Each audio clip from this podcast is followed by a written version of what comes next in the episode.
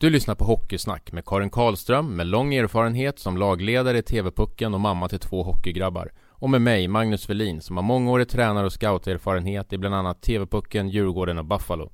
I den här podden snackar vi om hockey på ett annorlunda sätt med intressanta gäster och ämnen. Podden sponsras av Athletic Work.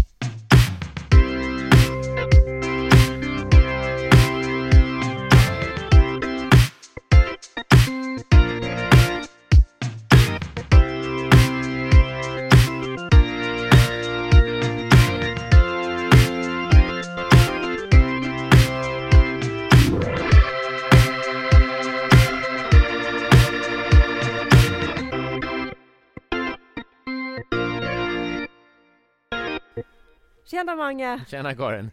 Hur är läget? Ja, det är bra tack. Vad skrattar du åt? att, vi har, att vi har gjort om det här flera gånger nu så det blir... Ja men det är ju tack så. vare dig. Ja, eller på grund av. Men det är bra i alla fall. Själv då? Jo tack, det, det är bra. Idag ska vi snacka om skills. Ja, det ska vi. Och när man kollar så finns det otroligt många sådana företag som kör sånt. Det gör det verkligen. Både företag och, och enskilda personer och... Ja. Ja. ja, det är stort. Och när man, när man kollar vad de, eh, hur de säljer in det här, då, då blir det någonting så här i stil med, någon skrev så här, eh, dina val kan påverka hela din hockeykarriär. Och eh, någon skrev så här, du kan, eh, om du vill nå dina mål och drömmar, då kommer du älska våra kamper. Mm. Det där är lite grann som att man man känner att om jag inte går på det här så, så kommer jag efter eller så är det kört. Och jag tror också att det är sånt där som sticker i ögon på de som kanske är lite anti sådana här typer av camper och Vad, träning. vad, vad är din uppfattning? Vad står du i den här frågan? Jag står på den sidan som är emot det här med... Så, jag förstår ju att man marknadsför sig. Såklart, det måste man ju göra. Speciellt i den konkurrensen som är idag bland skillscamper och, och olika typer av camper. Men just det här när att, jag, att görs, de här spelarna kommer till landslaget för att, för att de har gått på den här campen med oss. Lite den, de vibbarna och det är jag emot. Sen är jag inte emot själva camperna som sådana men ibland marknadsföringen Mm. kring dem. Men det blir intressant det här samtalet. Eh, vi har ju en gäst med oss idag och det är Joakim Ahlgren Blom från eh, JRM Skates and Skills. Yes. Tjena! Hej! Välkommen! Tack, tack, tack. Det är kul att vara här. Hur mår du? Jag mår bra. Jag mår bra. Ishallarna har börjat öppna igen höll jag på att säga. Så att eh, livet leker. Ja, ja. Har du mycket att göra då, eller? Eh, ja, vi gjorde ju om vår verksamhet lite grann så att vi har börjat jobba mer mot klubbar nu då. Och vi är väl eh, så att vi jobbar nästan varje dag med olika klubbar där vi jobbar i klubbarna istället för att ha egna camper. Okej. Om vi börjar bara med Joakim, vem, vem är du? Vem är jag? Jag är 23 år gammal jag på säga. Nej, det är jag inte. Men Det var väl ett tag sedan! Tjena!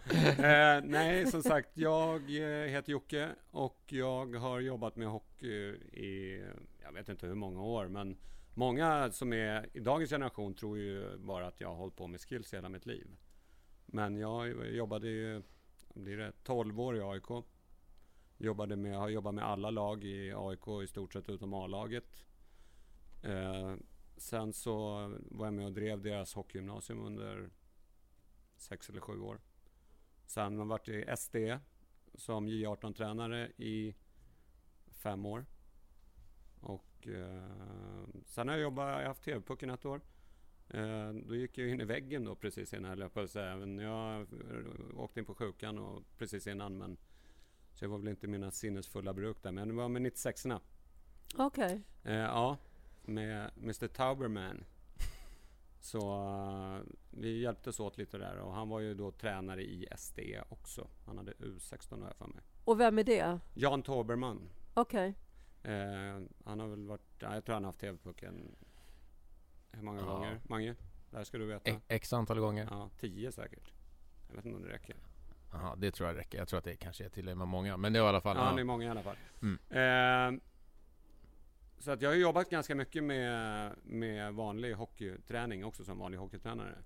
Och eh, på den vägen är det egentligen att jag började hålla på, eller var med och starta JRM då. Och eh, jag hade väldigt mycket jobb vid sidan av, framförallt i SD då. Där jag jobbade mot tyska hockeyförbundet, lite mot svenska hockeyförbundet, schweiziska hockeyförbundet. Jag var även på college och jobbade massvis. Eh, lite sådana här prep schools i USA. Så att jag var ute och alla avsaknaden av eh, alltså individuell teknikträning eh, var så pass stor så att vi startade det här företaget. Så att eh, det är väl lite av mig. Mm. Vad var tanken från början då med, med företaget? Var det, du sa ju det att ni hade gått, gått lite mer nu från de här camperna till att jobba mer med lag. Men då var det mer att ni startade camper som ni hade eller var ni runt och körde privatlektioner eller hur? Alltså, vi, eller vad jag menar med det var väl egentligen att nu när vi inte får köra camper mm -hmm, okay. så kör vi mot lag. Ah, att, men när vi startade så var ju tanken såklart att eh, jag upplevde som jag sa, alltså att det fanns ett stort behov av det här. Målvaktstränarna, målvaktstränarna hade precis kommit in i, i matchen och börja, alla lag började ha målvaktstränare, vilket inte var självklart förut. Och nu, eh, sen börjar väl eh, föreningar, klubbar, förbund att tycka att det här är också ganska viktigt. Att utspelarna blir bättre och det är ju det vi ser frukt av nu. Att spelarna är mycket, mycket bättre, de är snabbare, de är mer skillade egentligen överlag. Skulle jag säga. Mm. Så att eh, vi var väl tidiga i, i det i blocket liksom och kom igång tidigt. Och ja, jag var väl egentligen lite emot. Jag tyckte att jag gjorde det där bra själv. Men som jag sa, det här med TV-pucken. Jag, jag jobbade ju för mycket liksom. Jag behövde ju avlastning mm. också. Så hade jag Micke då, M i JRM. Micke eh, Andersson? Micke Andersson ja, som eh, drog ihop mig och Roger Johansson, gamla backen från Färjestad. Och frågade om vi skulle köra det här och då gjorde vi det. Och då blev det, det blev en stor avlastning för mig. Så under mitt första år med JRM så höll jag fortfarande, var jag fortfarande aktiv i SD. Så att vi kunde jobba i lugn och ro och få igång det på ett bra mm. sätt.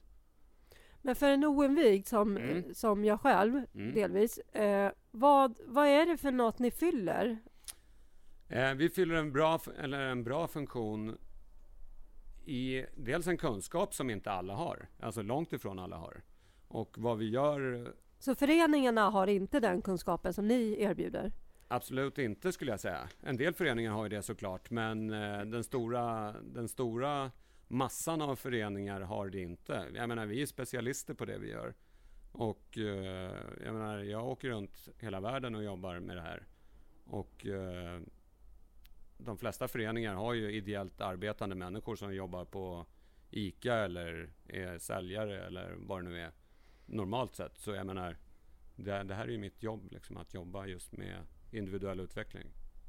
Jag tänker, ni, ni började 2012 mm. och, och, du säger att, eh, att majoriteten av föreningar liksom har bristande kunskap. Mm. Eh, har man inte då tagit till sig det och utvecklats eh, i föreningarna, att man eh, går mot den här kompetensen som ni erbjuder? För det är ändå en kostnad och... Mm.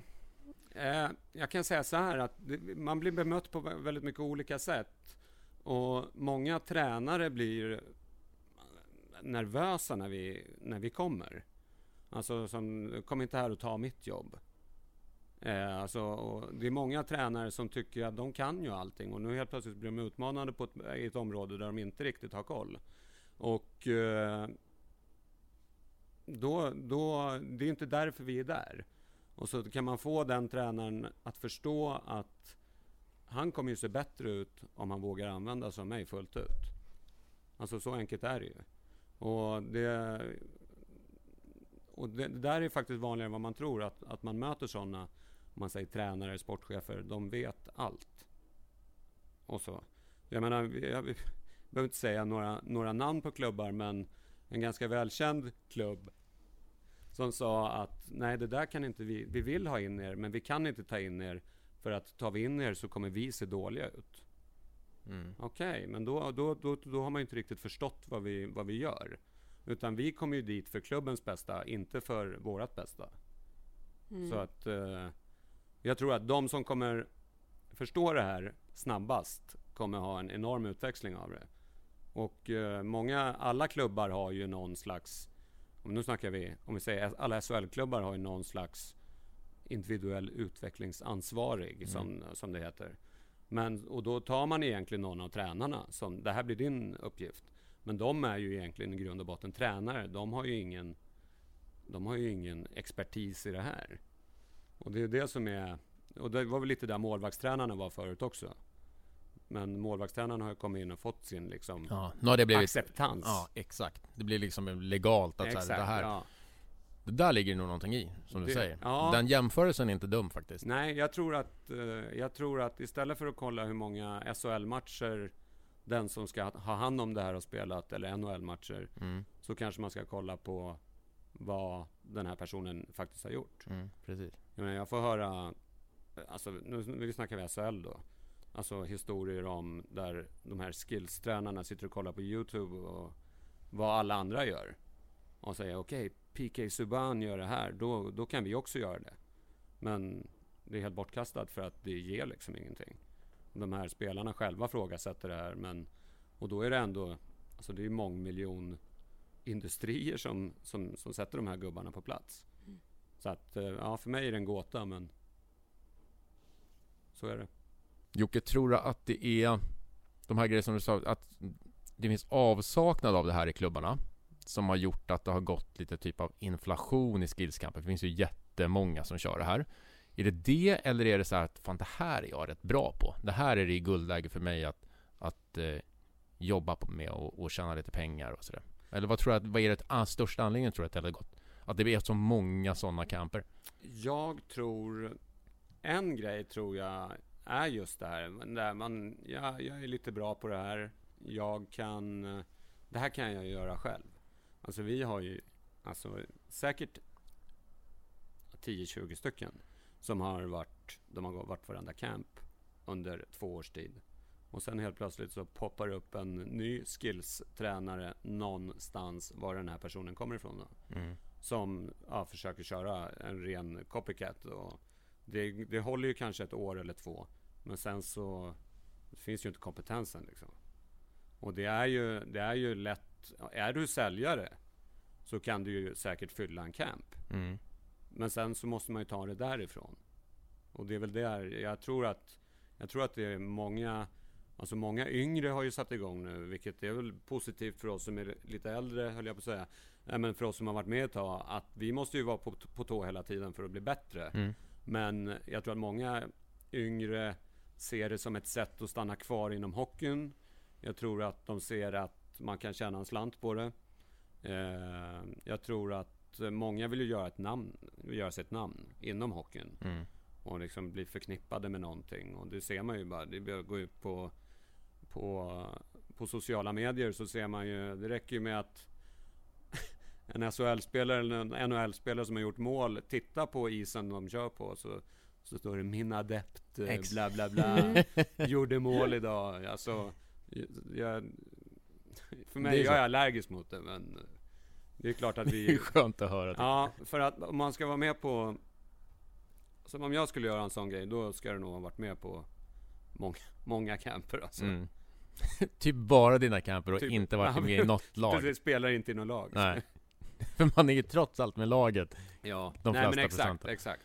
Men sen så, så där, för att svara på din fråga, jag tror att det är för att hålla sig kvar inom hockeyn på ett ganska enkelt sätt. Mm. Och ett område som man tänker sig är ganska, ganska bra på det här och här Ja, just, mm, Det är ett tacksamt område på något sätt ja men precis, för att det är ju fortfarande, det finns ju inga direkta alltså, riktlinjer att så här ska man göra. Nej. Och det ser man ju också om du går ut på sociala medier så ser du ju Alltså det går ju mode i, i vad man ska göra.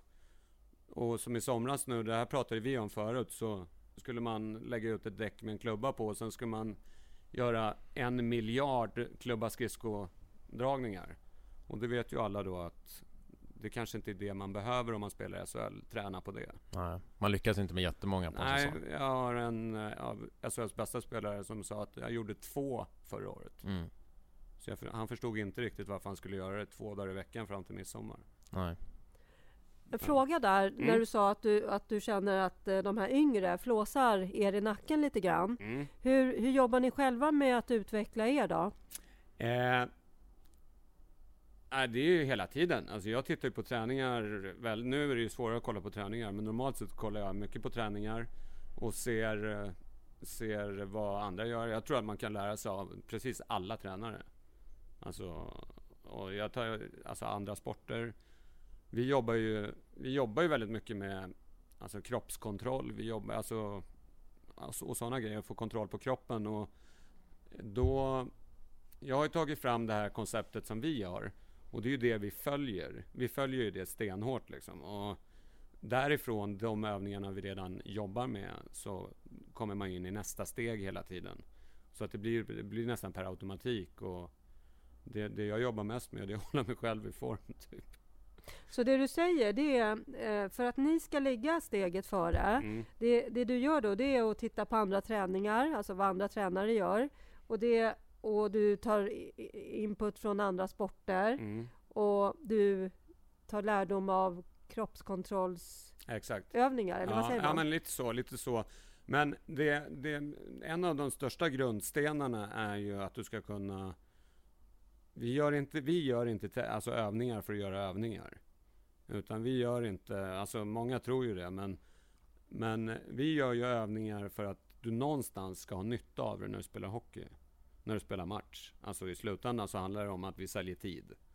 Så vi... Allt ska vara matchlikt? Ja, att du Eller? ska kunna sätta in det i spelet. Mm. Alltså, och då kommer vi in på... Nu kommer vi! Nu kommer det! Den självklara följdfrågan ja. som alla lyssnare som har koll på JRM du tänker får, Du får vänta en sekund okay, okej. Okay. Ja, jag ska försöka Nej, hålla men, mig. Eh, just eh, göra övningar för att göra övningar på massa konstiga sätt. Det har vi, det, vi gör inte det. Utan allting vi gör finns det en, en, eh, ett svar på varför. Och eh, ja, så tänker vi. Men då, om, om eh, man är på gränsen till lite oförskämd. Mm. Om, inte jag själv, men vi säger Mange som kan hockey. Mm. Eh, om han skulle då sätta sig och göra de här sakerna, de här tre grejerna, som, då skulle han kunna utmana er ganska snabbt. Ja, alltså både ja och nej. Alltså en av, min, en av liksom våra alltså fördelar det är ju att jag kan göra allting i maxfart. Mm. Ju, och så att, ja, du menar, kan visa allting ja. Jag kan visa allting mm. alltså till perfektion höll jag på att säga. Ja, Okej, okay. det är där ja, trovärdigheten... Exakt. Och mm. jag menar att jag som är lite äldre än en SHL-spelare åker ifrån dem är också egentligen helt konstigt. Och det blir ju ännu mer, och ännu mer eh, alltså tryck på det liksom, mm. att, att det fungerar. Och jag har gjort den, nu har jag gjort den här resan så många gånger så att jag vet att den fungerar. Och Mange kan ju, om han vill koppa det här, försöka göra det. Och det kommer säkert bli helt okej. Okay. Men han vet ju inte riktigt varför vi gör saker och ting. Han kan ju försöka lista ut det. Och hela det. Har man, har man lite koll så förstår man ju. Och vet man hur kroppen fungerar, då förstår man det ännu mer. Eh, och är man också lite open-minded då, så förstår man också vart man kan sätta in det i spelet. Mm. Ja, får jag... kan vi komma till det viktiga? Ja, nu, kommer vi, nu kommer vi till den viktigaste frågan Karin bröt in med något annat. Jag ja. Massa nersnack om mig. När vi ska prata om armbågar såklart. Ja! Ja. Du säger ju att ni bara gör saker som man har användning för på isen. Ja. Och så åker ni på armbågen. Ja. nu har du chansen Jocke. Nu har jag chansen. Ja, vi, och jag vill bara ge lite, lite, lite, vad säger man, bakåt tänk på det här då. Eller ja. Titta i backspegeln. Ja, mm. på, på, det här är ju alltså det som stör folk mest i hela världen.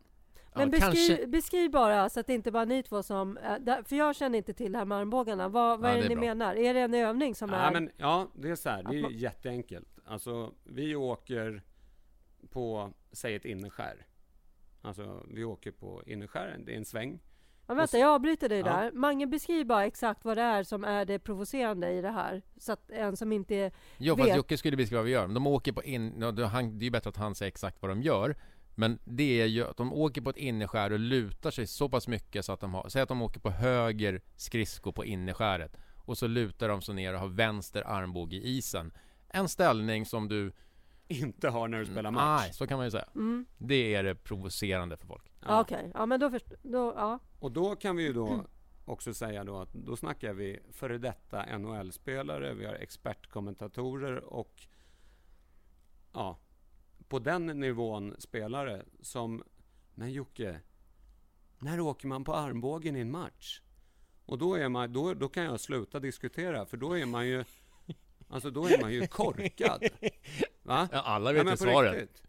Ja, ja, ja, precis. Nej, men du vet, jag vet det också. Jag har ju också spelat hockey. Men då vet man ju faktiskt att det gör man ju inte. Men vi, det vi kommer in på är ju det här med kroppskontrollen såklart. Och det vi gör när vi, när vi lägger oss på, vi börjar ju inte på armbågen. Utan vi börjar utan någonting. Sen så går vi ner till handen och sen går vi på armbågen. Sen finns det ju de som, det där är ju ganska enkelt. Och då hamnar vi kanske på en axel. Och allting har ju bara med kroppskontroll att göra. Så vad vi jobbar med då är ju dels att lita på sin skena, alltså dels lita på skäret. Och dels så är det ju bålen som får jobba. Bålen får jobba och hålla upp kroppen. Balansmusklerna i bålen jobbar, blir starkare. Har vi kontroll på bålen och balansmusklerna i bålen, då kommer vi alltså skjuta hårdare, passa bättre, ta tacklingar bättre, tacklas hårdare, eh, åka fortare, svänga bättre, etc, etc, etc. Så att det har väldigt, väldigt mycket eh, fördelar. Mm. Och alla som är lite större som har åkt in i en liten kille som är stenhård att åka in i. Det är någon som har bra balansmuskler i bålen. Alltså det är ju jätteenkelt. Mm. Och för att, vi pratade om det här förut du och jag Mange. Vi, Emil Sylvegård körde hos oss i somras. Nu sa du ett namn där. Emil Sylvegård ja, i Malmö. Nej, jag bara tänkte... Det här, nej, Får man inte säga det? Jo, jag bara tänkte vi skojade om det innan. Ja, ja, ja. Nej, men det här är ju... Det kan- Det, här är inget Han ska inte hänga, vi han ska inte hänga inte ut ut honom. Här, han frågade, han spelar i Malmö. Och eh, han frågade några i sitt lag och då sa de bara att Ja men ta på dig armbågsskydden nu för nu, ja, nu är det armbåge och så. Vi var på is 12 timmar på tre dagar. Så får ni nu gissa då hur många minuter han var på armbågen då eftersom det är det enda vi gör enligt många. En minut. Två Tre. minuter. Tre, fyra. Ja, tre minuter, en minut per dag ungefär. Och då alltså ja, på 12 timmar. Och, och då, blir det, då är det så här då, om man förstår det här rätt, att det här armbågsmomentet, det är det många liksom eh, väldigt Exakt. lösryckt Ja. håller sig fast Ja, vid och så blir det en, en, En sanning. sanning. Ja, Ja, just det. Det är det enda vi gör. Okej. För, för man tänker så här att eh, när du säger så här att ja, de här kunniga kommentatorer och NHL-människor och ah, gemene man eh, stör sig på det där. Ja. Eh, och, och så säger du att ni gör sånt som är matchlikt. Alltså man kan ju förstå att det blir en, en, ett missförstånd där. Eh, när du säger en sak och så ser man de här armbågsövningarna kanske. Ja, ja, om man är så trångsynt att man bara tittar på, på den övningen, absolut. Ja, eller om man är som mig, inte kanske är så insatt i hockeyövningar överlag så att man eh, tänker så här. För jag vet, eh, Magnus, du och jag såg någon video någon gång. Ja, men, ja. Det här, måste, jag- det, det här Yes. måste jag berätta. Eh, så åkte de så här runt, runt som galningar. Det var väl bra. Och sen skulle de kasta sig över liksom så här plexit ja, det här är och ner. fullkomligt idiotiskt. och så tillbaks. Ja. Ja, Alltså, fast, men... det var ju inte så matchlikt. Nej, och det kan man väl kanske inte riktigt sätta in i liksom hur kroppen fungerar heller. Nej. Eh, eller? Nej, jag kan Jag inte jag, jag kan ju se an, ja, men det som du säger om varför ni åker på armbågen, Ja. det, det fattar du också att det inte är matchlikt, men att det ger en massa olika saker. Exakt. Men det här att åka massa åttor och sen kasta sig över en sarg så fort som möjligt fram och tillbaka och så här, då... Där räcker i alla fall inte min kunskap till. Men, ja. Ja, det, så är det ju. Ja, Ja, det är bland det värsta jag sett. Jag hade velat se det för summen. Ja. Vill, vill du se mig göra det? ja, det Vi kan gå, vilja. kan gå ner här på isen. De var släkt där nu. Ja, men jag är bra i Men Mange mörker. kan ju bli lite sådär stillsamt upprörd. Ja, Det är fint här var- sagt. Det här var ett sånt tillfälle. ja. Nej, Fick men, köpa en ny det telefon efter det där. nej, men det, jag kan förstå det. Jag kan förstå det. Mm. Nej, men åter till våran armbåge. Ja, Eh, så, så Emil, tre minuter på tre dagar av 12 timmar. Resten av tiden åkte han skridskor, jobbade med puck. Och det är ju liksom, alltså tre minuter av 12 timmar. Och det är det man tar med sig. Mm. Så att är- i min, min värld ja. är att det är bara, hos de som är professionella så blir det en bakdörr. Ja, liksom att, ja, ja, Det är det de gör. Mm. Då ser man liksom inte, man ser inte större än sin egen lilla bubbla så. Lite grann. Men vad, vad är det mer då för typer av invändningar som du får mot din verksamhet? Nej, men det är väl egentligen det. Mm. Är det. Ja, det var Sen, inte mer. Nej, det, nej, absolut inte. Eh, Jag tror att vi är ganska... Alltså, vi har varit med länge och vi står för någonting som är bra. Och som jag sa förut, vi har, vi har så många spelare som har valt att utveckla sig hos oss. Alltså från, på alla nivåer. Så att vi vet, liksom, det, vi vet att det funkar. Och spelarna själva får, känner verkligen att, att de blir bättre. Eh, ja, det är väl det egentligen. Sen spelar vi egentligen så, så måste du ha en, du måste ha en bra produkt. Men sen så, de, de, spelarna får ett självförtroende som, som går ju, för ibland får vi så här, ja men hur kan vi mäta att det här funkar då? Nej, du kanske inte kan mäta det liksom i tid, att du ska klocka någon som åker ett varv, för det är så mycket andra parametrar som, som kommer in då, men om jag tränar Mange och Mange får ett bättre självförtroende så kommer det innebära att du kan utveckla, utveckla dig mycket, mycket, mycket mer och få ett bättre, ett bättre spel bara av det egentligen. Du vet ju alla att det är roligare. då- Och då tänker man, det här borde så. ju i så fall Manges tränare i hans vardag klara av. Eller hur? Att ge... Att ge mig självförtroende. Ja. Men det är, så här, det är ändå som du säger tror jag Jocke, att det blir att det så, jag vet att jag har många tränare, man tycker ju själv, eller när jag var tränare också, tycker man så att man kan ju det mesta sådär. Och, men det är ju ändå så att man är ju inte så skitbra på allt. Och det är viktigt som tränare också, tror jag, att man vågar släppa det och säga, fan men det här är inte min starkaste sida. Nej, så att här behöver jag hjälp och kan lära mig saker och sådär.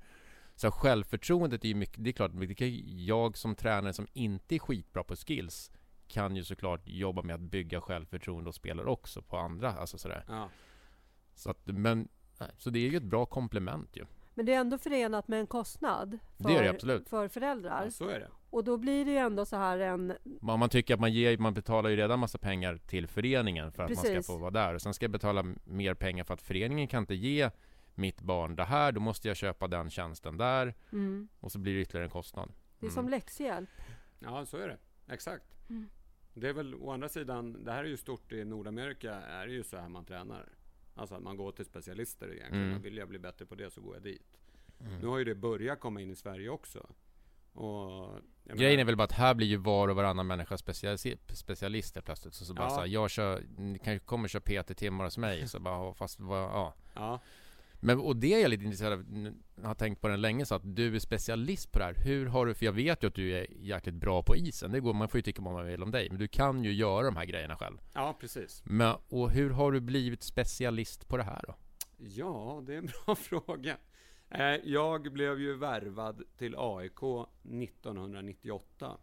Det var inte igår. Det var det inte. Och du är bara 23, så det är Ja, konstigt. precis. Av. Verner Persson. Eh. Gammal legendar Mm. som höll på mycket med det här. Och eh, två år senare så dog ju han, eh, dog ju han då tyvärr. Eh, så jag hann väl få med mig ganska mycket. Sen mycket av hans tänk, hans filosofier och så. Eh, sen har jag byggt ganska mycket själv. Jag har som sagt fick jobba en del med Jursinov under hans AIK-tid under två år där. Eh, tagit delar, lyssnat på vad han tycker och tänker. Men sen så i slutändan så tror jag nog att det handlar mycket om att man sätter in det själv i hockeyn. The brain. Mm. Kom in. Som, som det går under. Det är hans smeknamn på sig själv. Nej. Nej, det där var fan taskigt sagt alltså. Nej, Ja. Jag, jag skrattar fast jag inte vet vad ni menar riktigt Nej, nu. det var ju internt så det var ju svårt. nej, men eh, skämt åsido så, så jag, har, jag har lite folk som, har, som jag har fått influenser av. Mm. Men sen så, så handlar det mycket om att, att pröva själv. Eh, jag var bra skridskoåkare själv när jag spelade. Eh, så att jag har, jag har mycket gratis med, med det. Och sen så har jag byggt ihop det här programmet under ganska lång tid. Och det är inte bara en människa, men som sagt, de två är väl de som är kanske störst av de som jag har tagit influenser av. Ja. Så, men eh, annars så är det nog från mig själv ganska mycket. Mm. Och andra idrotter och ja, du vet, det är allt. Helheten lite grann. Mm. Men hörni, jag backar lite. eh, det här med, vi var inne på det här med läxhjälp och det här Mm. med att ta hjälp. Mm. Eh, och det här blir lite så här filosofiskt känner jag. Men, men kan det vara så här att i Sverige så är det lite så här, eh, var väldigt lagom. Håll inte på liksom och... Tro att du är något. Nej men alltså Mange, håll inte på och köp på dig massa extra träning här nu. Eh, och tro, alltså nu är vi i det här liksom. Nu är vi i den här föreningen och det är bra så. Ni vet det här att det är lite fult att man vill mer. Ja. Kan det vara något sånt? Alltså, och, och det jag menar är att Mm. det här kanske då skvimpar över på en sån här verksamhet som ni bedriver. Att eh, vem tror att du är? Tror att du ska glida förbi eh, majoriteten nu då? Bara för att du kör lite extra? Mm. Ja, jag, jag vet ju min åsikt. Jag tänkte invänta Manges här först. Ja, Ja, jag sitter och tänker på lite olika, alltså på olika perspektiv bara. Alltså, jag tror ju kanske att det skulle kunna vara så. Tror jag det egentligen? Jag, vet inte, jag har inte tänkt på det så. Men däremot så tänker jag att det är så här, irriterar kanske så här, före, framförallt föreningarna tror jag. Att du säger vad fan varför tycker du inte att det vi gör räcker? Och så ska du åka runt och jaga uh, massa andra grejer. Det här är lite grann som jag, tänker också så här, som när vi pratade i avsnittet om selektverksamhet att man att man, så här, man ska vara med på olika grejer för att man ska komma någonstans och ta sig vidare och att det också sticker i... ja, jag vet inte. Men vad tycker du då? Om vad? Att man gör det? Jag tycker, jag tycker jag har samma åsikt, jag vet att det här blev jäkligt luddigt. Men jag har samma åsikt i grunden som jag har om selektverksamheten. Att om man gör det av rätt anledning, då tycker jag inte att det är något konstigheter. Men om man åker runt och jagar och betalar en jäkla massa pengar i tron om att det här är liksom, att jag ska göra allt jag kan för att mitt barn ska ska lyckas liksom och att det här ska liksom vara vägen dit och då, vilket jag förstår att man vill ju göra, men jag tror inte att det här är Ja, det här blev ju också luddigt. Nej, men men, jag jag, är liksom tänker- inte emot det. Nej, men jag, jag, jag är inte heller emot så här. Jag bara tänker att om, om jag tar in läxhjälp Ja. till, nå, till en unge, Mm. då är det så här bra Karin, liksom, så här, Mm. det är bra att du har rätt fokus och liksom hjälper Mm. grabben och så här. Men tar man in eh, dig, Mm. Jocke, Mm. eh, då kan det bli så här med Karin, alltså tagga ner. Ja. Alltså, Exakt så är Ja, det. så ja, är det. hur? Däremot så Och tror jag i och för sig så att ju läxhjälpen tas ju... Ja, det är i och för sig sant. Men jag tror många gånger läxhjälp, traditionellt sett kanske man tar om man, så här, man har jäkligt svårt med matten. Ja, Och men så tar jag lätt, men ofta tror jag att de, de, de går ju inte till Jocke för att de är jäkligt dåliga på någonting. Och jag tror att det är var ganska vanligt att det faktiskt är ganska spelare som ligger ganska långt fram som också gör det. Och Men- om du som är skitbra i matte, du är bäst i klass, bäst i skolan, du går och tar det, då, då skulle folk också tycka så fan du är ju redan skitbra, vad ska du gå och läsa extra matte för? mm. Men det, det, det får inte samma stämpel sådär liksom ändå att Nej, man... det är eh, sant. Det är sant. Och det där, jag pratade med en kille igår om det där faktiskt. Eh, för där jag bor, där är det, hockeyn är inte jättestor. Men eh, där skulle man ju aldrig kunna göra, alltså köra massa extra i stort sett. Men eh, där man har en stor eh, roddförening och man har alltså konståkning och sådana där man selekterar gymnastik selekterar jättetidigt, har extra tränare och sånt där. Och där är det he- helt accepterat. Där är det bra. Mm. Men om man gör i hockey, fotboll, då blir det som du säger. Då blir det så här, ja, fast vad ska man göra det där för? Mm. Det måste ju vara kul också. När min eh, Marcus, som är 95 han hade en, eh, en kompis. Han hade lite svårt med skridskoåkningen. Då satte hans föräldrar in honom på, på eh, konståkning. Mm. Så han körde lite konståkningstimmar i veckan. Eh, och det där var liksom väldigt så här, det pratade vi inte om. Eh, nej men det, alltså, det var jättekänsligt. Men han blev ju jätteduktig. Ja, Men jag tycker det är helt rätt. Så här, då har ju hon hittat, eller de har ju deras hittat grejer. Ja, precis. Eh, och, och han blev stärkt på den, på den eh, vad säger man? Just det momentet, Ja. eller nej, inte momentet. Alltså den, Ja, den skridskoåkningen. ja, Mm. precis. Men det där, det där är... Alltså, vi får ju ofta den... Vi var uppe i, i Luleå för, vad var det, strax innan jul. kom det några spelare från Haparanda. Och sa det, ja bara så att du vet så har våran tränare sagt att ni bara luras på, luras på pengar och att vi kommer inte bli något bättre. Inte ens det. Nej, och så kom de efter och sa så här mycket som vi har lärt oss på, vi var där två dagar. På två dagar har, har jag aldrig lärt mig. Fint att han omprövade sin uppfattning. Nej då. men det var ju inte tränaren som ompa utan det var Nähä. spelarna som Ja. sa det här. Som fick det med som sig när de åkte med. Ja, sig okej. för att de ville bli bättre. Det var det jag menade, det var dit jag ville komma. Ja, ja. Och då förstår man min åsikt i det här blir ju att det är många som säger så som, som, som, du, som du sa. Att, eh, och det kanske är svenskt att säga liksom, men gå inte dit, de vill bara tjäna pengar. Mm. Så bara, alltså ja, det är klart att vi vill tjäna pengar, jag ska inte ljuga om det, för det är vårt jobb. Vem vill inte ha pengar på sitt jobb? Liksom? Det är ju självklart. Men det är inte det som är liksom, drivkraften. Och lite som vi pratade om innan här, och för oss är det i alla fall så att vi försöker bedriva träning för alla. Alltså verkligen för alla. Alltså vi kan ju ha nybörjare på samma, samma is som vi har som NHL-killar och KL-spelare. Och de alla får sin uppmärksamhet. Och det är det som driver oss, att alla kan vara med. För att vi tycker att det är roligt liksom. Och det handlar inte om att lura någon på pengar och, eller vart de är. Det spelar liksom ingen roll. Vi vill ha... Efter en camp så får vi kanske... Säg att vi får 20 mejl om att det här var så jävla bra. Bra det var, ni var så duktiga och sådär. Sen så får vi säkert 20, kanske 25 mejl där det är Tack för att du såg min dotter eller min son. Där har vi ganska mycket av svaret, tycker jag. Att liksom, tack för att du såg Marcus. Så att, att du pratar med honom. Han har inte fått feedback på fyra år. Och det här är ju verkligheten. Mm. Alltså sen får alla tränare alltså, säga att de är bäst i världen på det här. Men det är det som är återkommande hela tiden. Att de inte blir sedda, att barnen inte blir sedda. Så att där har du drivkraften, inte att tjäna massa pengar på så sätt. Men Mange, är det inte lite så här, jag tänker du som både lärare och tränare, Mm. är det inte så här att man i sin vardag så kan man tappa de där grejerna som, som du Jocke, eh, i din verksamhet, det är lättare så där att höja någon och se alla. För, du, för det är en Det är så jobb. viktig del. i- Precis. Och Mange, du faller in i lite så här slentrian. Ja, det tror jag. Kan det vara så? Att man skulle kunna, ja, ja verkligen. Det tror jag. Och att man... Jag tänker också att det är lite, kan man ju känna själv bara om jag går till mig själv, att det är så när man har ett lag, så det är så många delar som man ska, som man ska tänka på och titta på. Att vissa träningar ska, ska, ska rulla på, övningar ska flyta.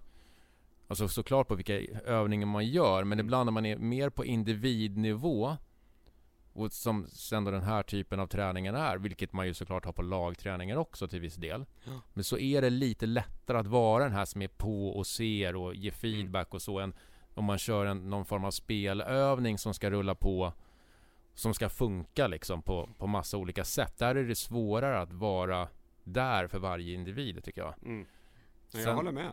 Jag håller med. Jag menar som sagt, jag har varit lagtränare också. Jag, som sagt, jag har varit en komplett idiot som lagtränare stundtals också. Det- Ja, det är klart man, man, har ju både, man är ju både bra och sämre Ja, dagar exakt, och övningar ja. sådär. Så är det ju såklart. Men man är inte prickfri varenda Nej. gång. Även om man i grunden vet att man Vill vara bra. måste, Ja, exakt. Och man vet vad som krävs för att vara det kanske. Så är man ju inte det varje dag för den sakens skull. Nej, men och det, när, vi, när, man, när vi pratar om det här, det, min, min, min tanke går ju så att om jag är tränare och så kommer Mange in och ger positivt till mina spelare och kanske lär dem någonting också. Det gör ju att mina spelare kommer bli bättre och att jag kommer se bättre ut. Ja, det var han Jocke, han som tog fram de där spelarna. Och det är det jag inte fattar, att jag då ser Mange som en konkurrent eller ett hot eller hokus pokus, han försöker bara tjäna pengar. Utan i grund och botten så handlar det ju om att, min, alltså, att mina spelare ska bli bättre. Och det kan Magnus hjälpa till med. Mm. Det är egentligen det som är... Men kan det mm. vara att tränarna tar ansvar på något sätt då för ekonomin? Alltså att det blir eh, om, om en tränare promotar, gå till Jocke, Mm. eh, så blir det ändå en kostnad för de här föräldrarna Ja. som ska... Kan det vara där det ligger? Ja, men, nej, jag, alltså visst att det är en kostnad. Alltså, men å andra sidan så allting kostar ju nu för tiden. Alltså så, så enkelt är det ju oavsett om det är läxhjälp eller vad, vad det än är. Och jag tror att de, jag tror att tränarna använder det som ett, alltså ett svepskäl egentligen. Och jag menar, visst, en del kanske inte har råd att gå. Så kan det ju vara. Vi försöker hjälpa alltså, sådana som inte har råd, på, hjälpa dem på olika sätt också. Men alltså, har man inte råd, jag menar det är egentligen, alltså, vad det än handlar om, så allting kostar ju pengar. Och då, ja, tyvärr. Lite så är det ju. Mm. Alltså, mm. Men jag tror inte att, det är inte, alltså, det är inte så stora summor det pratar om för att gå på en camp om året. Så jag tror inte att Nej, och där kan jag få sticka in för jag sitter och funderar lite grann på tidigare fråga jag fick när jag var sjukt luddig. Men det och saker som jag själv kan irritera mig på eller så jag tycker när man väljer fel camp som förälder. Fine för mig då om man säger det här vill jag ge mitt barn. Ja.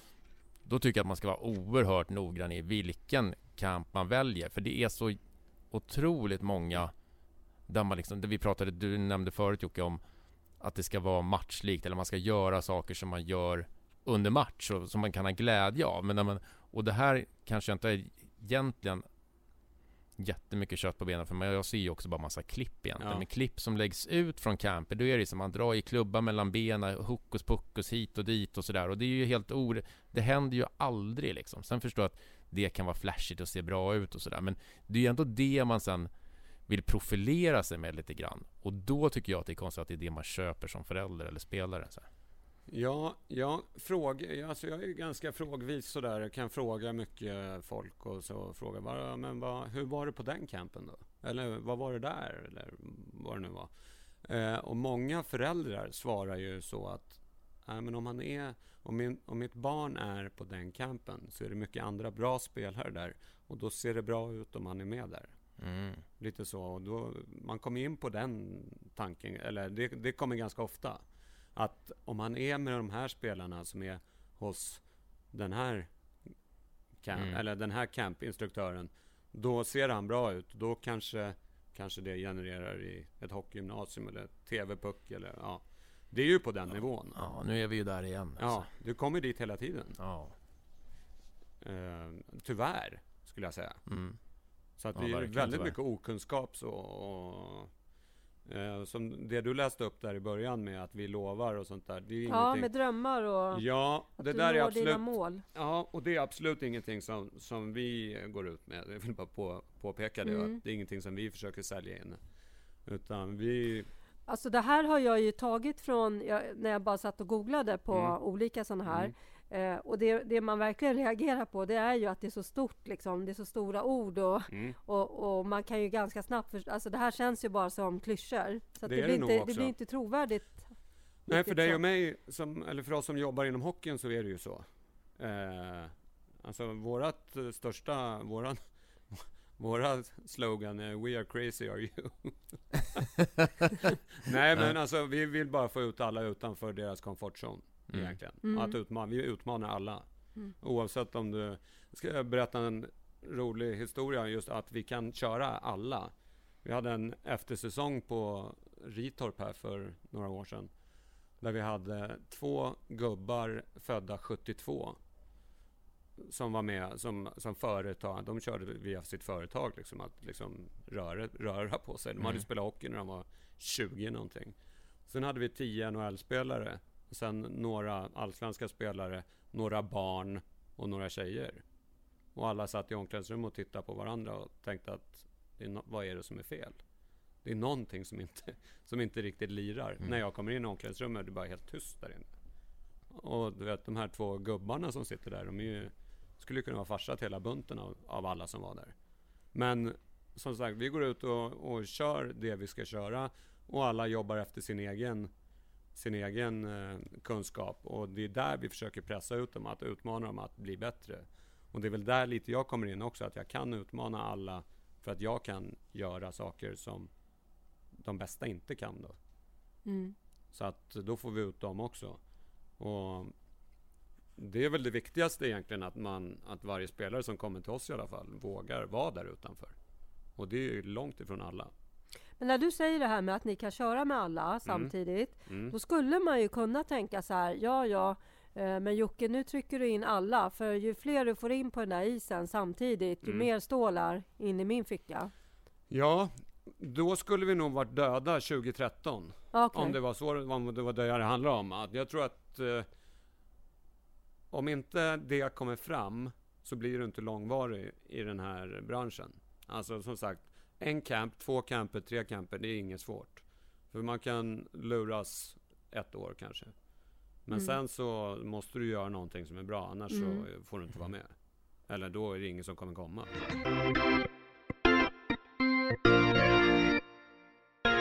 Vi är sponsrade av Athletic Work. Athletic Work är ett bemanning och rekryteringsföretag som hjälper personer med någon form av idrottsbakgrund på alla nivåer. Från idrotten får man med sig goda egenskaper som är viktiga på arbetsmarknaden. Viljan att vara bäst och prestera sitt yttersta på tävlingsplanen, som på arbetet, är det mål som Athletic Work och deras konsulter strävar efter. Athletic Works vision är att skapa ett idrottslag på arbetsmarknaden. Det har idag hjälpt flera personer ut på arbetsmarknaden och av egna erfarenheter vet jag att kontakt med Athletic Work faktiskt leder till jobb. Så om du letar efter ett nytt jobb, tveka inte att höra av dig på www.athleticwork.se. Tack Athletic Work!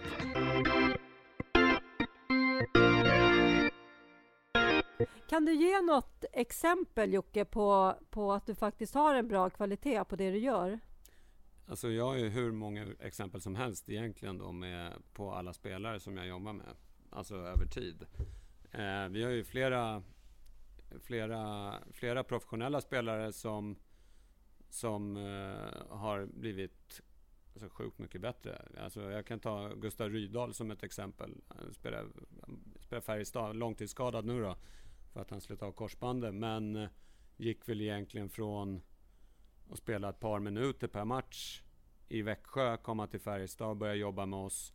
Var en, en typisk fjärde-femmespelare till att bli lagkapten, landslagsspelare och 24 NHL-lag efter sig.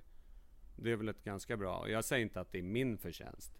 Men om du frågar honom så säger han att det har en stor del i hans eh, utveckling av spelet. Det är bara ett, ett exempel och jag, jag, ska, jag kan ha ju hundratals sådana. Alltså varianter. Alltså rent spel, spe, av, av spelarna så känner de att de blir bättre och då har jag lyckats. Sen så har vi, jag gillar inte att prata, skryta så. men- Nej men jag har blivit utsedd här nu av NHL Coaches Association. eh, Så de tog ut en lista på 250 skillstränare över hela världen och eh, så var jag kvar av de tio bästa då, så var det jag, åtta, åtta NHL-coacher, jag och en till då. Sen så har vi nu... Och det här är worldwide då? Ja, hela världen. Ja, Hela världen. mm. Och, på topp 10 där var, så var det jag den enda från Sverige. Men eh, sen så... Men det är ju grymt bra. Ja, det blir Det ju det. ju- mer man tänker på det så blir Ja. det ganska roligt.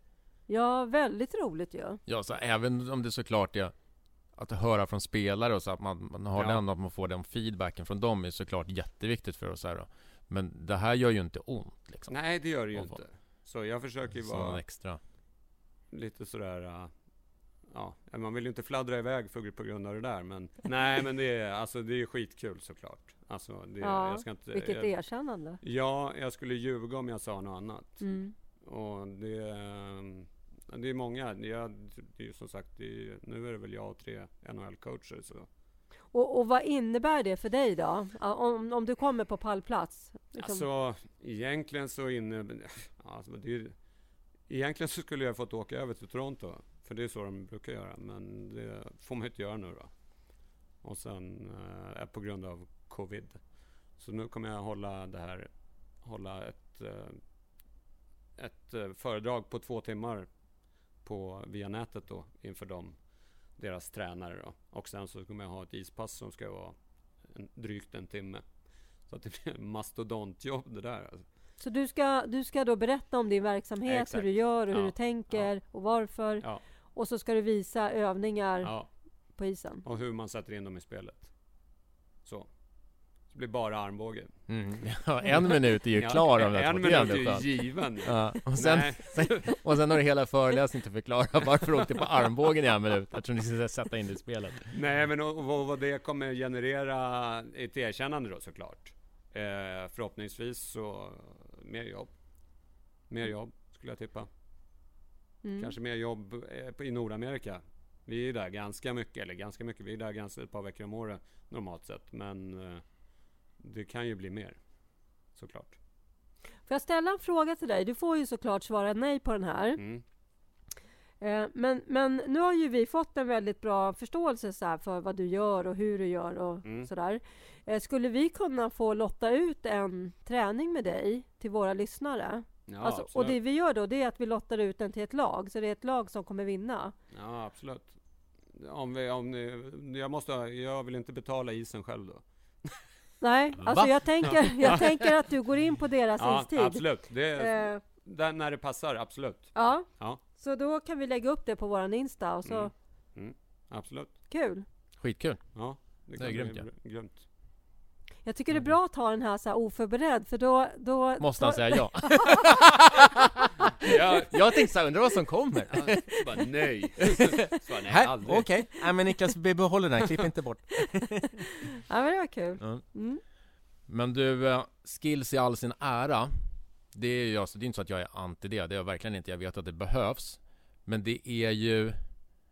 Man måste liksom lära sig spela hockey också. Och under mina 25 år som tränare så har jag ju sett åtskilliga spelare runt om i hela landet vara hur skickliga som helst. Kunna göra nästan vad som helst med en puck. Men de kan inte spela hockey, inom citationstecken. Eh, alltså att förstå spelet och sådär. Nej, jag fattar precis vad du Eh, menar. och då är man liksom körd som junior. Du kanske är, du är så jäkla framstående som pojkspelare. Eh, och sen när du blir junior så är du, uh, blir du uppcheckad. Blir du inte det år, år ett så kanske blir det år två eller så blir det åtminstone år tre. Eh, och sen blir det liksom ingenting. Och de här finns det så många utav. Hur tänker du kring det här? Jag eh, håller med dig till punkt och pricka faktiskt. Eh, för att eh, vi har väldigt mycket bra skridskoåkare som kommer till oss. Väldigt många bra dribbelpellar. Det vi säger är okej, vi ser vad som händer när vi slänger in en puck. Vi ser vad som händer om vi spelar någonting. Då får man ju se vad som händer. Mm. Eh, tydligt är ju att man ligger långt fram i Stockholmsregionen med det här. Mm. Det vet ju både du och jag som har hållit på med TV-puck och sånt, Mm. att man är väldigt bra skillad. Eh, men sen så möter man ett lag som spelar riktig hockey om man säger. Då är det svårt. Ja. Jag brukar ofta när, när jag pratar med folk om det här att när man då tänker TV-puck och hur man jobbar med det i olika distrikt, vilket är en följdfråga på någon här, men just om, som när vi som stockholmare ska möta exempelvis Västerbotten, för jag tycker Västerbotten traditionellt sett nästan alltid spelar jäkligt fin hockey. Mm. Att de är liksom vä- ja, fostrade i hur man spelar ishockey Ja. på ett framgångsrikt sätt utan att vara bättre på skridskor eller bättre med klubban individuellt och sådär. Men de kan spela spelet hockey Mm. tillsammans. Eh, så jag tycker att det är ett bra exempel. Så här, ser du när du åker runt i landet att man tränar, att liksom skillsen har en olika stor olika stor del utav träningen i olika distrikt i landet? Ja, det, det syns jättetydligt. Alltså det, kän, det känns verkligen som att det är tydligt. Eh, det som är vad jag, vad jag ser, och det här, jag, alltså, jag utbildar en del tränare på förbundet sådär med jämna mellanrum. Och det är väl det jag, det brukar jag ta med mig då. Och det är, det får inte bli det ena eller andra. Och det är oftast det man ser. Alltså antingen är det, så kör man sjukt mycket skills. Eller så kör man ingenting. Eller så kör man bara spelsystem och ingenting annat. Mm. Så att det är det jag menar på när på mina tränarutbildningar försöker jag säga det till, till de som ska bli tränare liksom att försök att hitta en balans i det här. För att det går, ni klarar inte utan den andra. Nej. Det måste man nästan ha. Så att eh, Sen är det såklart att den här balansen skiftar ju från att kanske när man är väldigt liten vara exakt. typ nästan bara skills eller Ja. om man ska lägga in väldigt mycket saker i skills. Ja, Eh, till att det sen då, för, ja, med åren sen så tar spelet liksom över mer och mer. ja. Såklart. Men att man inte heller tappar skillsen med tiden heller kanske. Nej, utan- nej, nej, nej, precis. Och det är väl det som är, det var det vi pratade om där eh, när jag är i Ryssland.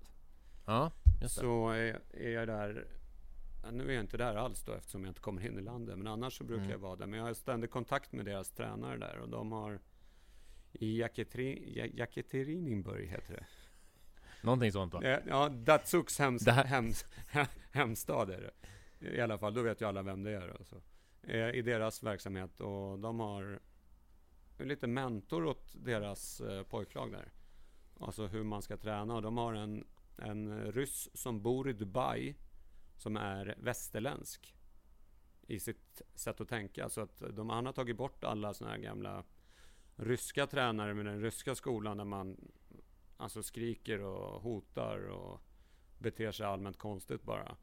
Utan han har bara tagit in tränare som, är, som bygger på glädje. Så när vi var där nu sist så jag har aldrig sett så mycket barn som kom springande och skrattade. Faktiskt. Vi verkligen reflekterade över det. Liksom, de kom och tog i hand och hej hej, var glada liksom. Eh, och där har vi fått in tänket 70-30. Så när de är små så tränar de 70% skills och 30% spel. Och då är det spel, back, back, spela, spegla, eh, spela ficka, ja, allt sånt. Eh, och de är sjukt bra. Och som du sa, ju äldre de blir desto när- närmare 50-50 kommer de ju komma. Mm. För att sen kliva över Åt andra hållet. Ja, det kommer ju sluta kanske i, i 30-70. Att man skillsar 30% och spelar 70%. Men eh, de har fått fram... Jag har aldrig sett bättre spelare.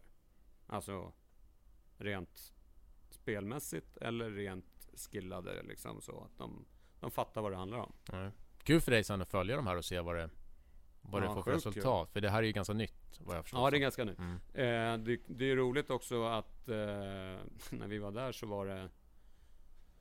Hur gammal var han då? Han var 09. Och spelade med deras 08-lag, en jätteduktig spelare. Som, eh, han var inte där, så frågade jag, var är, var är han någonstans? Bara, Nej men han blev såld igår. Såld! Vadå såld? Jag sa samma sak, vadå såld? Nej men då sålde, då hade, jag tror att det var CSKA som hade köpt honom. Ja, det är klart de hade. Och då köpte de hela familjen.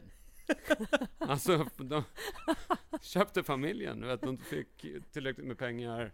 Alltså ett nytt jobb till pappan där, eh, bilar och lägenheter. Och, och så får han då spela gratis i ja, CSKA. Hyfsad press på grabben. Ja. Han är alltså född Oh. 09. Ja. Så, ja. Så, så funkar det där. Mm, det är Mm. olika. Så Det är att, intressant med olikheter. Mm. Ja. Jag har ju sett även de dåliga sidorna, många dåliga sidor i Ryssland också faktiskt. Mm. Alltså där barn har fått ordentliga smällar Mm. med klubban och sånt där. Mm. Och de säger bara It's okay.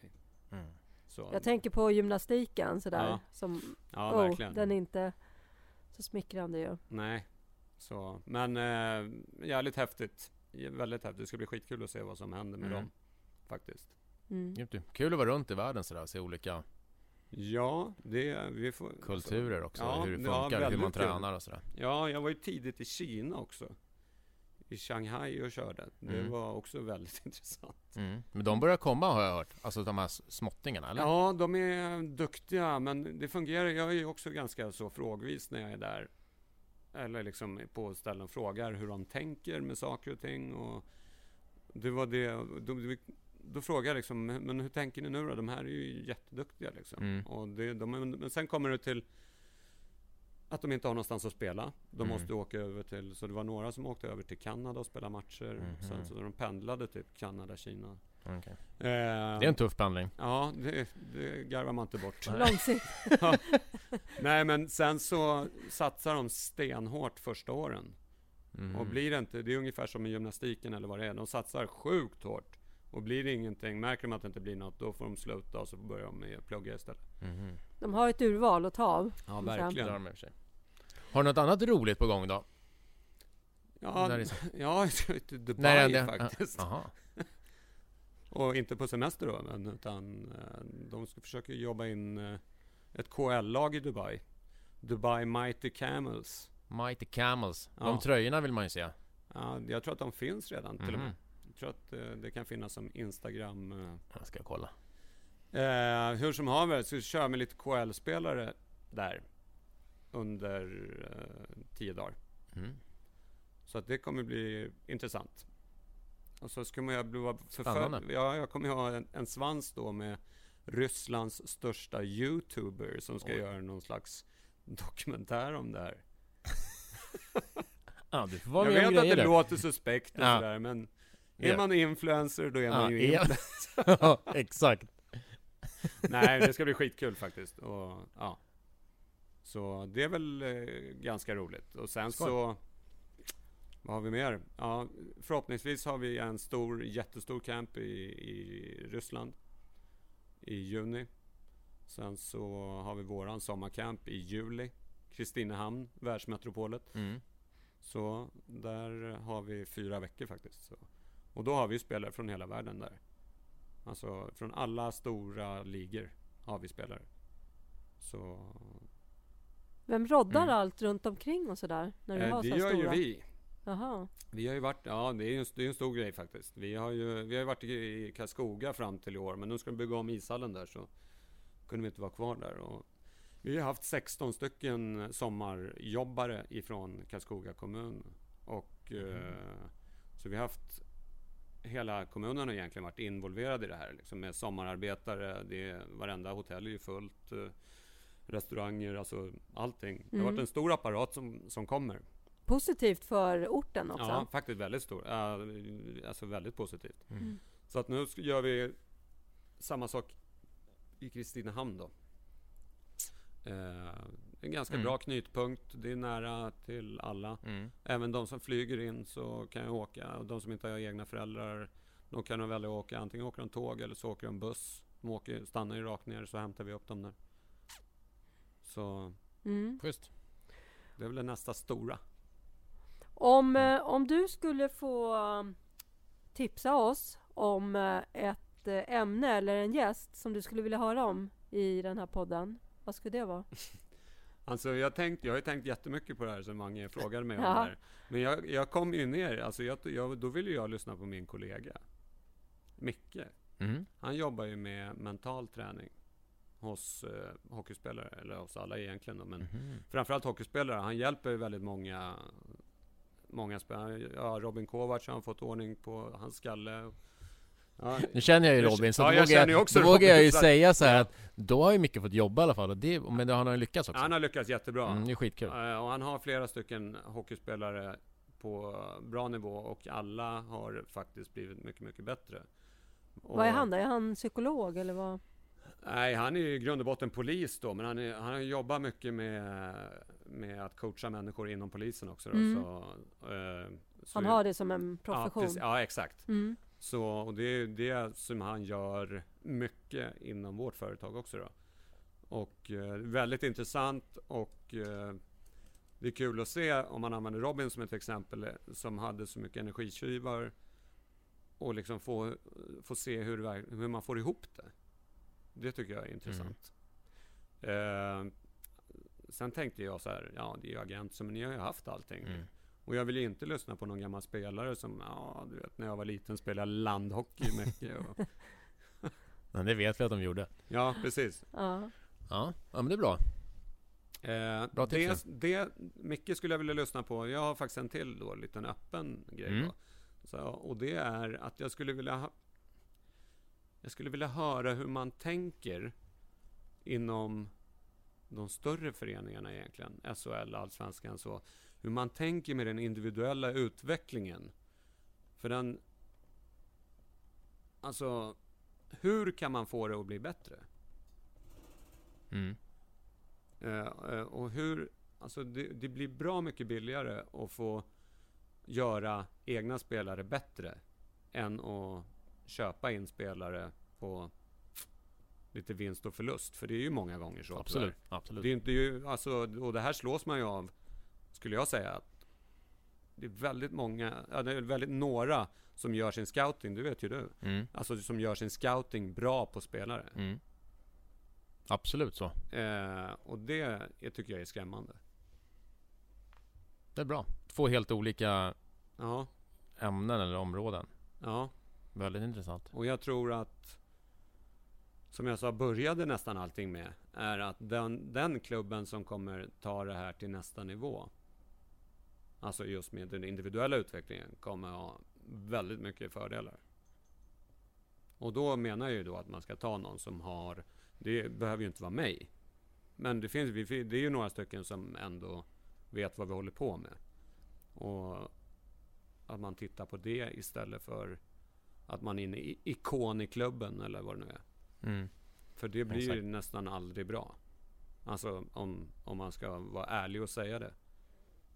Sen får man ju ha gjort 430 mål då för en förening. Men det är ingen, det är ingen garant för att jag ska kunna lära ut någon annan att göra mål. Faktiskt. Nej. Eller massa andra saker som också ingår i den individuella utvecklingen. Ja men precis. Ja men precis. Det Mm. kan ju vara allt. Så är det verkligen. Så ja. Bra Jocke. Då ska vi säga tack till dig. Stort tack för att du kom idag. ja, Ja. När Golden Boy Ja. ringer, Ja, då kommer då- man. När han kallar så. Ja. Den chansen vill man inte missa. Ja, Ja, jag, jag har aldrig hört att du har kallats för Golden Boy. Nej, Det vad var något synd nytt. att det Jag här kom upp väntade så här. nästan på att, att du skulle säga något om det här. För, Jag har aldrig hört. ja men Golden Boy Mange, allt han rör i blir ju till guld.